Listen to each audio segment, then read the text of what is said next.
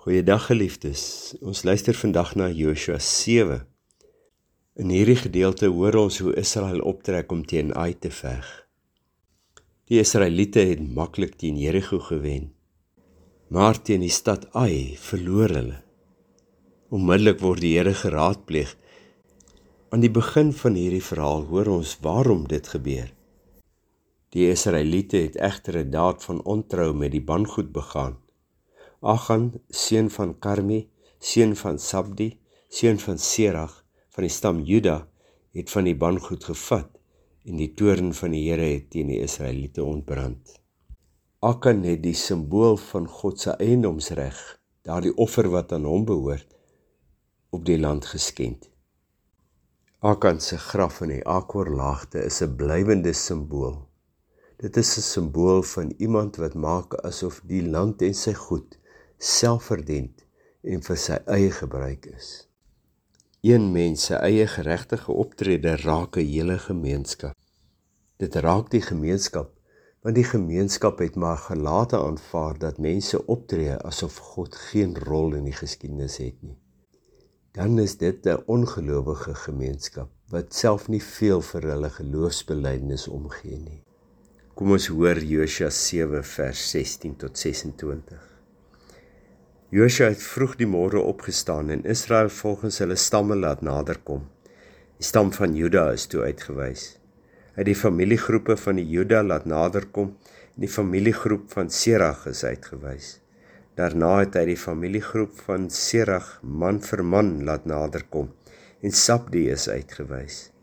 Toe het hy Sabdi se familie man vir man laat naderkom en Agan, die seun van Karmi, seun van Sabdi, seun van Serag van die stam Juda, is uitgewys.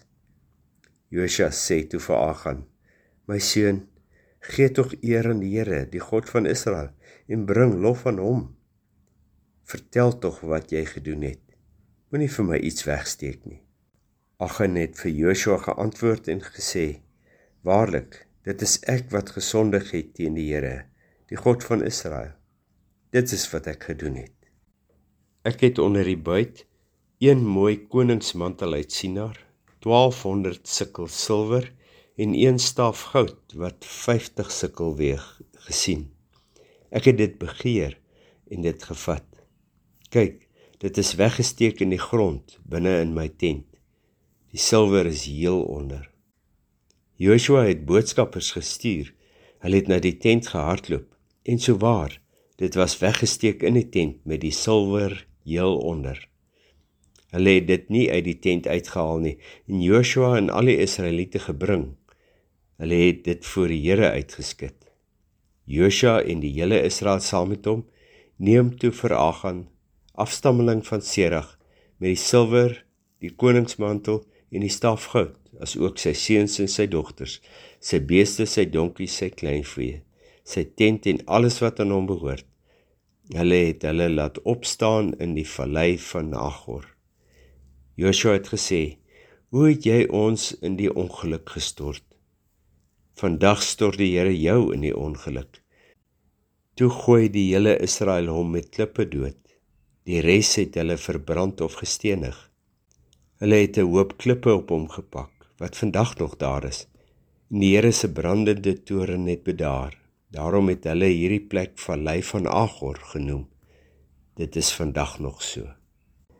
Naby die Jordaanvallei staan 3 monumente. Die kliphoop by Gilgal wat hulle aan God se sorg met die deurtog deur die rivier moes herinner. Die tweede is die verlate Jerigo wat hulle daaraan moes herinner dat die land aan God behoort. Daar is ook die kliphoop in die Akkordal wat hulle daaraan moes herinner dat 'n mens God se eiendomsreg op die land nie moet vergeet nie.